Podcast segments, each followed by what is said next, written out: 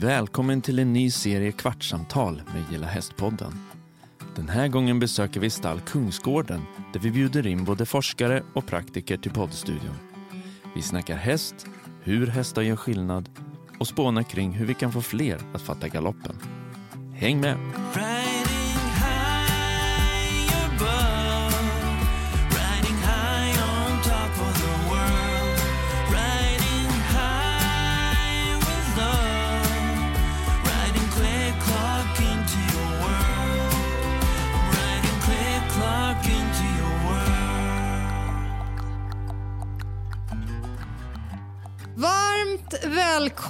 Välkomna tillbaka till Kvartssamtal med Gilla Hästpodden som idag eh, befinner sig på ett eh, seminarium på Drottningholm.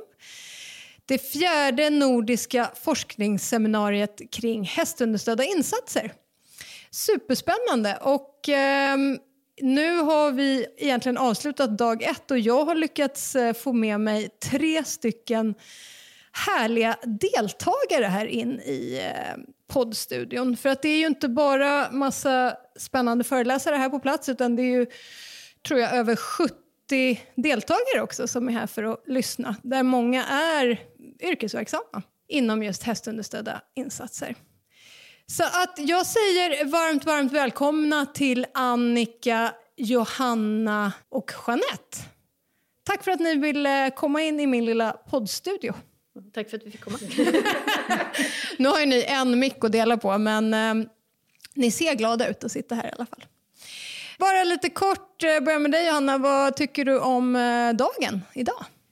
Det har varit en jättespännande dag tycker jag. Ehm, några sådana här riktiga guldkorn i formuleringar, mycket kontaktskapande. Så jag har nog hittills fått ut precis det jag hade hoppats på faktiskt. Härligt. Vad säger Annika? Nej, men jag håller verkligen med. Eh, mycket ny forskning tycker jag som är väldigt användbar när man vill kommunicera utåt.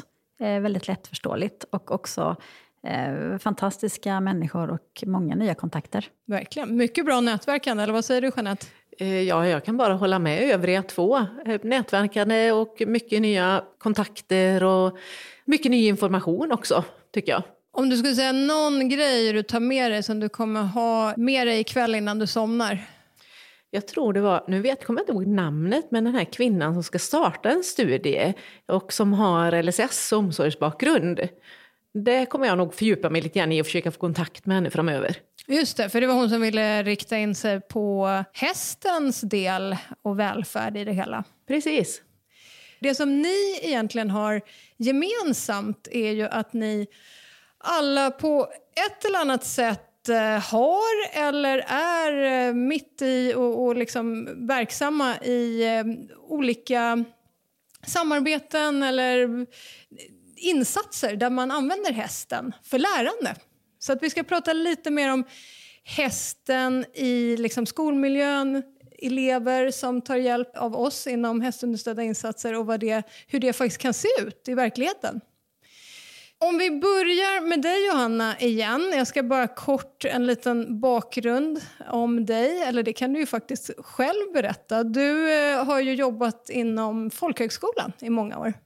Ja, det stämmer. Det är 20 år nu, märkligt nog. Och drygt hälften av de åren har jag också jobbat med hästunderstödda insatser. Och hur har det sett ut? Hur har du fått igång det här? Vilka är det som har deltagit? Kan du kort bara berätta om hur du har jobbat med hästen i skolan? Ja, det började faktiskt med att jag jobbade på estetlinjer och såg vad det här med passion och ett fritt rum kan göra för våra deltagare på skolan. Många som kommer till folkhögskola har haft det extremt tufft i skolan tidigare och kommer med mycket misslyckanden, mycket misstänksamhet, mycket oro för skolmiljön. Och det här att byta klassrumsmiljö, att byta sammanhang, att få en annan relation till sin pedagog var så himla tydligt vad det gjorde. Men på den musiklinjen där jag jobbar så har vi traditionellt väldigt mycket killar och jag, ja, jag brukar säga att jag blir väldigt binär i det här nu men jag har inte så många andra ord att beskriva det utan det är traditionellt många killar som söker sig till scenen och väldigt många tjejer blir stående utanför. Och de här tjejerna träffar jag ju i stallet. Så då tänkte jag att det här måste gå att göra också. Vi måste kunna ta med passionen och tryggheten vi kan skapa i musiksalen måste vi kunna också skapa i stallet så att vi når tjejerna. Så då började jag läsa på som en galning. Jag läste allt jag kom över för att kunna bevisa att det här stämmer. För att, ja, det är ju som många har sagt här inne idag, att vi vet ju att det här fungerar.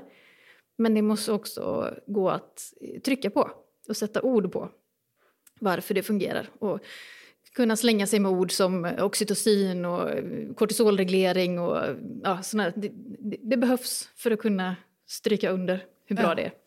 Så jag marscherade in till min rektor och sa jag vill göra det här och så såg han lite förskräckt ut och så sa han ja okej. Eh, Så jag fick del i min tjänst att gå bredvid på en eh, ridskola som hade handikappridning.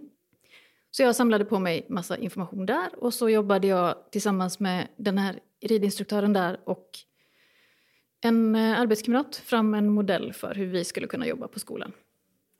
Så då ledde det till att vi fick ha en valbar kurs där vi hade frivilliga och ditskickade deltagare som behövde stöd för att orka med sin skolvardag. Och sen utvecklade vi en variant av det här som vi gjorde en sommarkurs på som heter Må bra till häst.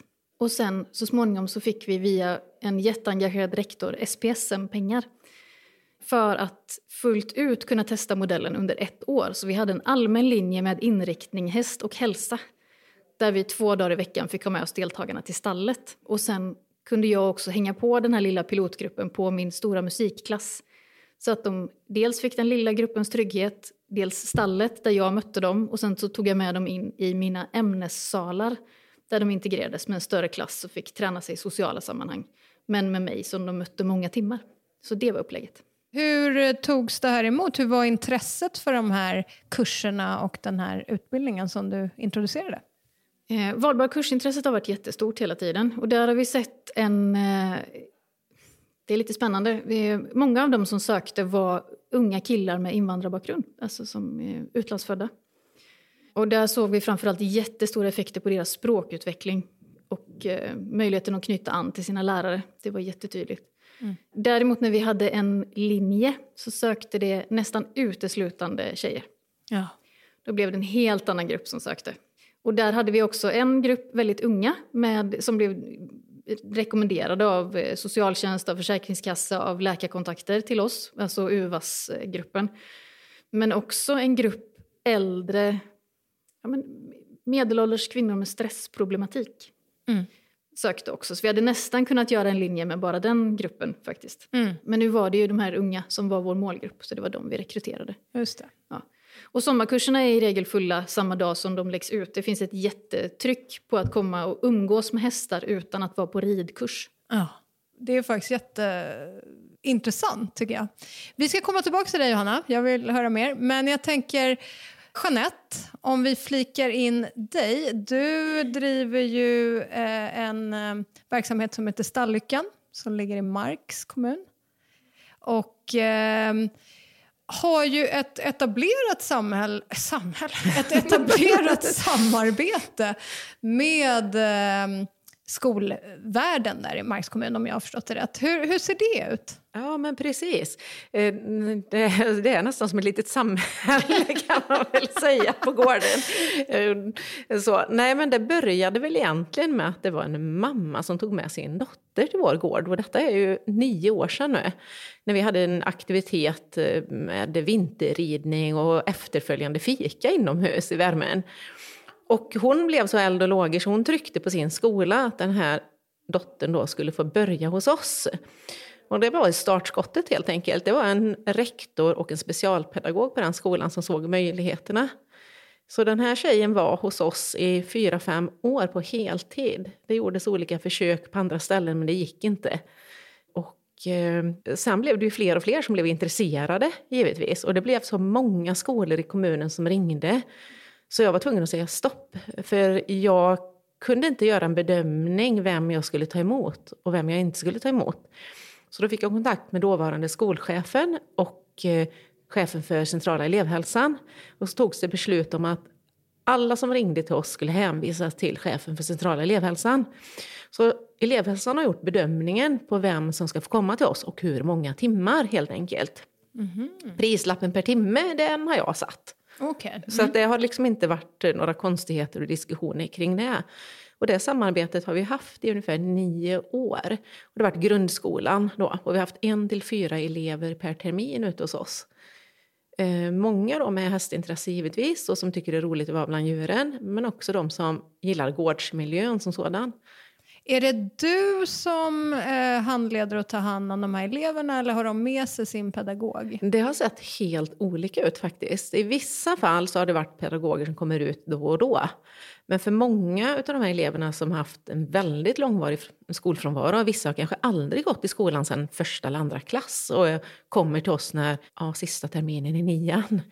Och eh, då är det så infekterat med skolan så det går inte. Utan det handlar bara om att de ska få komma ut hemifrån, vara i en social samvaro, träna på att vara i grupp. Genom hästen och ridningen så tränar man kanske på att ta instruktioner och få känna att man klarar saker och att man är duktig på någonting. Det, det är sådana saker vi gör. Jättespännande. Vi ska komma tillbaka till dig också, Jeanette. Jag ska bara presentera Annika också, Larelius. Du har ju en lite annan eh, målgrupp, inte just kanske skolelever, men det knyter ju an till samma sak egentligen. Kan du berätta kort eh, hur det ser ut i Laholms kommun och vilket projekt som du har jobbat med senaste tiden? Ja, då har vi jobbat tillsammans med eh, Lära med häst. Och det är ju jag, så det det är ju lite, du, lite konstigt att jag sitter här och låtsas som ingenting. Men det är faktiskt du och jag som har drivit det här tillsammans. Men Ja. det som jag tycker eh, du har bidragit otroligt mycket med är ju just kontakten med kommunen. Ja, och då i min roll då som verksamhetsutvecklare på vuxenutbildningen så har vi ett nära samarbete med arbetsmarknadsenheten i vår förvaltning. Och vi letar efter projekt och insatser där vi kan öka samarbetet och också gemensamt nå kommunmålen där ett mål är ökad hälsa och välmående då hos våra invånare. Och då har vi ju två prioriterade målgrupper som vi också har på vuxenutbildningen. Dels är det våra ungdomar i K, det kommunala aktivitetsansvaret, som ju av olika anledningar inte längre går i skolan. Och sen så har vi också en annan grupp människor med ofta psykisk ohälsa som står långt ifrån arbetsmarknaden. Och här kände väl jag framförallt att fantastiskt om vi kunde tillsammans med hästarna göra en insats för de här två målgrupperna och också samtidigt initiera ett samarbete med dig som företag och eh, den kommunala ryttarföreningen. Att man hade fått ihop det här samarbetet. Så att det resulterade i ett eh, väldigt lyckat pilotprojekt med de här två målgrupperna i våras. Om vi då tänker kring, jag menar nu, nu har ni alla här berättat om olika projekt eller insatser eller till och med liksom etablerade samarbeten som i, i eh, ditt fall där Jeanette. Där hästen har kommit in och eh, löst kanske ett samhällsproblem eller åtminstone bidragit till en lösning. Vad såg ni, om ni bara liksom kort skulle sammanfatta, vi börjar med dig Johanna igen. Vad hände med de här eleverna? Vad var skillnaden att addera hästen i det här fallet? För du, hade ju, du har ju jobbat med de här eleverna, som du sa, utan häst också. Ja, skillnaden är att nu nådde vi ett gäng som vi inte nådde innan. Alltså det fanns en dragkrok inne i stallet som vi inte hade haft eh, in i den vanliga lektionssalen. Och alla som har haft en relation med ett djur någon gång vet ju att den blir, den blir väldigt viktig. Och så fort de här deltagarna hade börjat knyta an till hästarna i stallet så blev ju de i sig, att träffa Troja, att träffa ja, men, eh, PJ, att träffa, det blev liksom viktiga, riktiga individer i deras liv. Som hjälpte dem att dra dem ut över tröskeln, även när det var mycket ångest och det var mycket tuffa dagar. Liksom. Och jag har ju nu en, en person som kommer till mig som är högstadieelev som har en relation till en av hästarna som jag jobbar mycket med. Där det kan vara värt att komma och trotsa jättemycket ångest för att sitta och klappa en, näs, en hästnos genom rutan. Och den dragkraften är ju... Den har jag inte satt, eller kunnat se i något annat sammanhang faktiskt. Om relationen till hästen etableras så blir mitt jobb som pedagog oändligt mycket lättare. Och jag kan aldrig bli så viktig som, som relationen till hästen blir. Och det ger mig en väg in. Så det är verkligen den stora, stora, stora vinsten skulle jag säga. Och du Jeanette som har hållit på länge med det här och som har, som du sa då, du har ett etablerat samarbete, du har till och med sagt nej till eh, elever som vill eh, komma till dig. Vad är utmaningarna för att få det här att fungera fullt ut? Liksom, vad, hur skulle du, om du fick önska? Om jag fick önska, det svåra, även om vi har haft ett samarbete med kommunen, eller flera kommuner faktiskt, för det är inte bara från Mark det kommer eh, barn och unga till oss, utan omgivande kommuner också, ganska långväga en del med. Det är ju det att det finns liksom inga färdiga former för hur det ska fungera. Det beror oftast på att någon person i de här kommunerna tycker att det här är bra och de driver frågan och får igenom besluten. Och eh, vi tar emot. Försvinner den personen så faller hela korthuset. Och Annika, det är väl lite så, även, alltså nu kan vi ju skratta åt det, men menar, du är ju den personen i Laholms kommun som Jeanette pratar om här nu. Så hade det inte varit för dig, ja, men då hade vi nog inte fått igenom det här eh, Lära med hästar-projektet. Som, om du bara kort kan berätta lite vilka resultat det gav, bara för att ge en sån här liten känsla för det. Ja, vi hade ju tre stycken unga tjejer eh, där eh, flera av dem inte hade varit på skolan på länge och eh, svårt att komma iväg till aktiviteter. Och om jag ska jämföra mig med dig Johanna så var det var inte så självklart här faktiskt från början att hästarna och stallet skulle dra. Utan det var lite utmaningar från början också.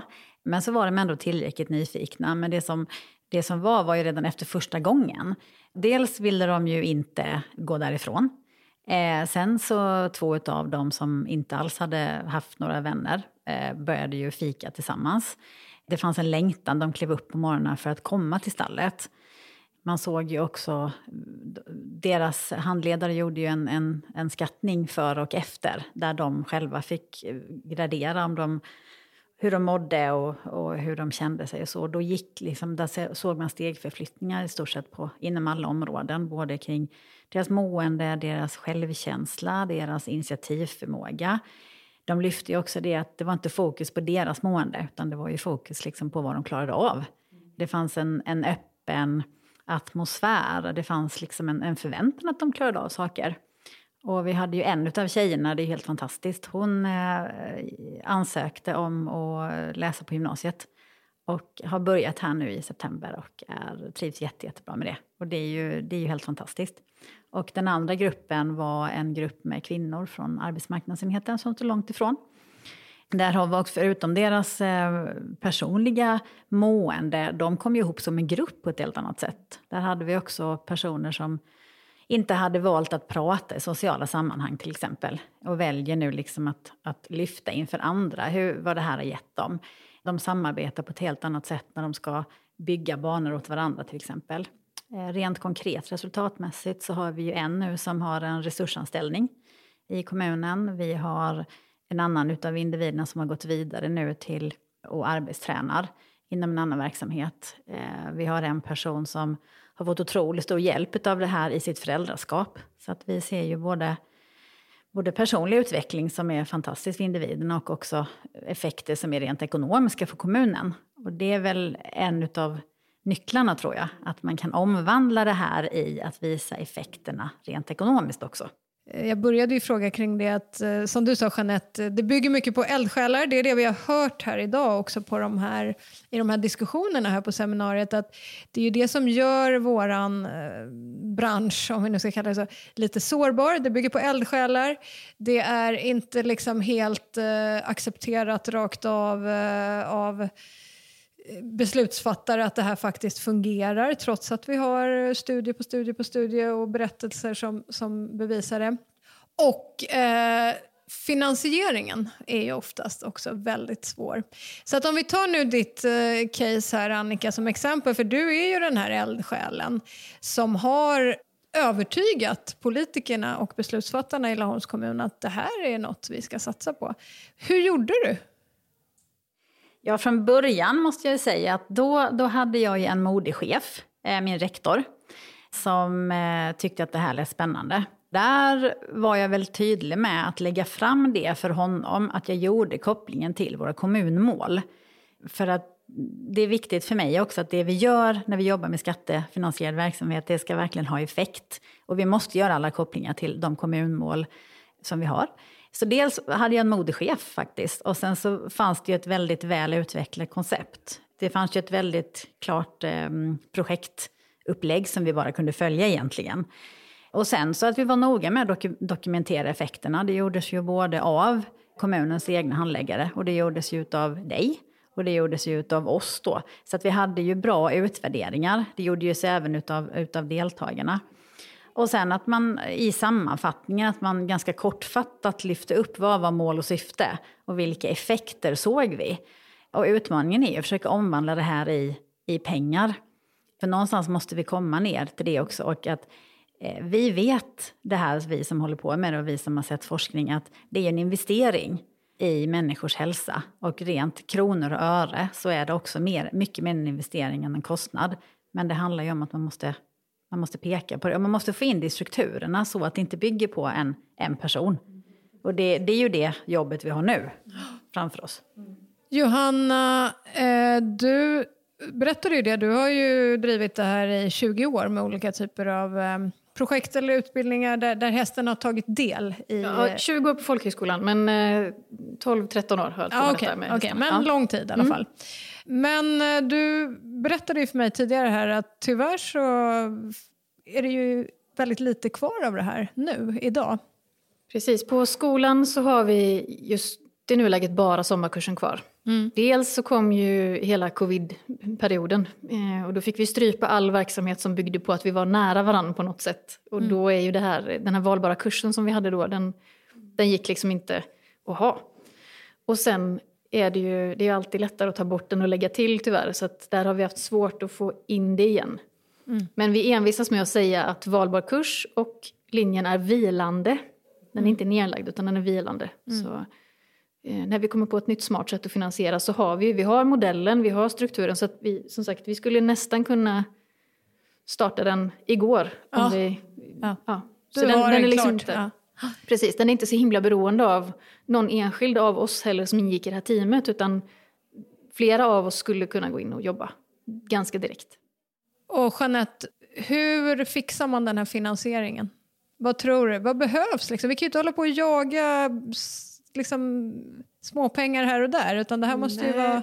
nej jag, jag, jag ska säga att jag har ingen bra lösning på det faktiskt. Alltså, kostnadsmässigt så upplever jag inte att det har varit, alltså min timpeng eller det jag har begärt i betalning, det har varit ett icke-problem. Problemet har varit att hitta strukturer för samarbetet och kanske också förankringen hos politiker. För när eldsjälen försvann hos oss då, då blev det ett förnekande liksom, hos politikerna om att samarbetet överhuvudtaget har funnits. Så då, då blir det ju också jättesvårt. Så, nej, jag, jag, jag har ingen bra lösning på det här förutom att vi måste hitta strukturer för att få det liksom att fungera. Och, Och när du säger strukturer menar du? Alltså någon form av samarbete, någon konkret avtal som liksom finns där oavsett. Jag jobbar ju inom LSS också. Och där har man ju LOV, lagen om valfrihet till exempel. Och då finns det ju färdiga avtal där kommunen sätter liksom kriterierna för vad som ska gälla. Hur ska man jobba? Vad är det för kvalitet vi ska ha? Vad är det för ersättning vi får utifrån stödbehov på den personen vi tar emot? Mm. Och jag tänker att man skulle kunna ha någon liknande system även för inom skolan. Jag tänker som, som avslutning, vi, vi kallar ju det här kvartssamtal så vi ska inte hålla på allt för länge, även om det här är en jättespännande diskussion. Och jag tror att det är de här diskussionerna vi behöver ha kollegor emellan också. Men om vi tar laget runt, vi börjar med dig då Annika. Hur får vi fler att fatta galoppen som vi brukar säga i Gilla Hästpodden? Att hästar gör skillnad. Vi har ju hört nu, alla, alltså, ni tre har ju alla drivit eller driver projekt som är, ger otroligt fina resultat. Men varför är det ändå så svårt? Hur får vi fler att fatta galoppen? Eh, det är en utmaning och jag tänker att vi får inte ge upp. Och en plusfaktor vi hade det är att vi skrev ju in det i vår verksamhetsplan och då, i, apropå strukturen, så krävs det uppföljning på politisk nivå. Så det kan vara ett sätt. Det upplevelsebaserade, alltså eh, både kommuner och tjänstemän, politiker, man har möte. Är man ett företag som håller på med det här så kan man alltid bjuda in till att ha mötet hos, ute hos sig själv. För möten har man. Och då kan man, hade man kunnat erbjuda det så att man får uppleva det själv. Det var bara någon reflektion. Bra! Johanna, konkret, vad gör vi? Hur får du igång eh, Folkhögskolan-programmet igen? Och hur ska jag få igång linjen igen? Ja, det tänker jag har att göra med hur vi definierar vår målgrupp på folkhögskolan jättemycket. Så det handlar om att jag får vara med och bevaka där och trycka på att den här målgruppen har vi. För de enskilda insatser jag gör i egen regi, där märker jag att det finns ett tryck från skolan. Jag håller med precis som, som du sa, att jag också får tacka nej för att jag har inte utrymme att ta emot alla som vill komma från grundskolor i, i Göteborgstrakten. Och det är ju jätteroligt men jättehemskt. Och att, att lyfta det, vad det är som grundskolan ser och vad de tycker att det ger och kunna föra in det i vår målgruppsanalys på folkhögskolan, det tror jag kan vara avgörande för oss. För då är ju vi är ju en, en landstingsskola. Vi ska jobba med hälsofrämjande insatser, vi ska jobba med delaktighet, demokrati, utveckling, social hållbarhet, social inkludering. Så egentligen är det redan färdigt, jag ska bara liksom knö in en häst där i, paragraferna också. Easy. Och avslutande orden, de klokaste orden nu från Jeanette. Jag känner ingen press alls. Nej då. Det, det, och det, det är mig de definierar som väldigt konstig där hemma. Så att jag vet inte om du får så många kloka ord. Det, det, är liksom det, det, det är det namnet jag går under. Men jag menar, för du har ju en, ehm, en etablerad eh, verksamhet som verkligen har lyckats knyta långsiktiga samarbeten. Ja, precis. Vi har jobbat många, många år med, med just grundskolan framför allt. Det som var svårigheten med det, det var ju att när de gick ur nian så fanns det liksom ingen överlappning till gymnasiet. Och någonting som jag är lite stolt över det är att vi faktiskt har fått till den överlappningen. Så att idag har vi en gymnasieelev som har varit grundskoleelev hos oss. Liksom. Och eh, då har vi löst det som så att eh, vi har gått Skolverkets utbildningar för att bli eh, lärlingsplats och godkänd som handledare för lärlingselever. Så det här, den här eleven specifikt då är lärlingselev via gymnasiet hos oss med särskilda anpassningar då givetvis. Men har du några konkreta tips till andra kollegor i eh, vår bransch här? Hur får man kommunen att fatta galoppen?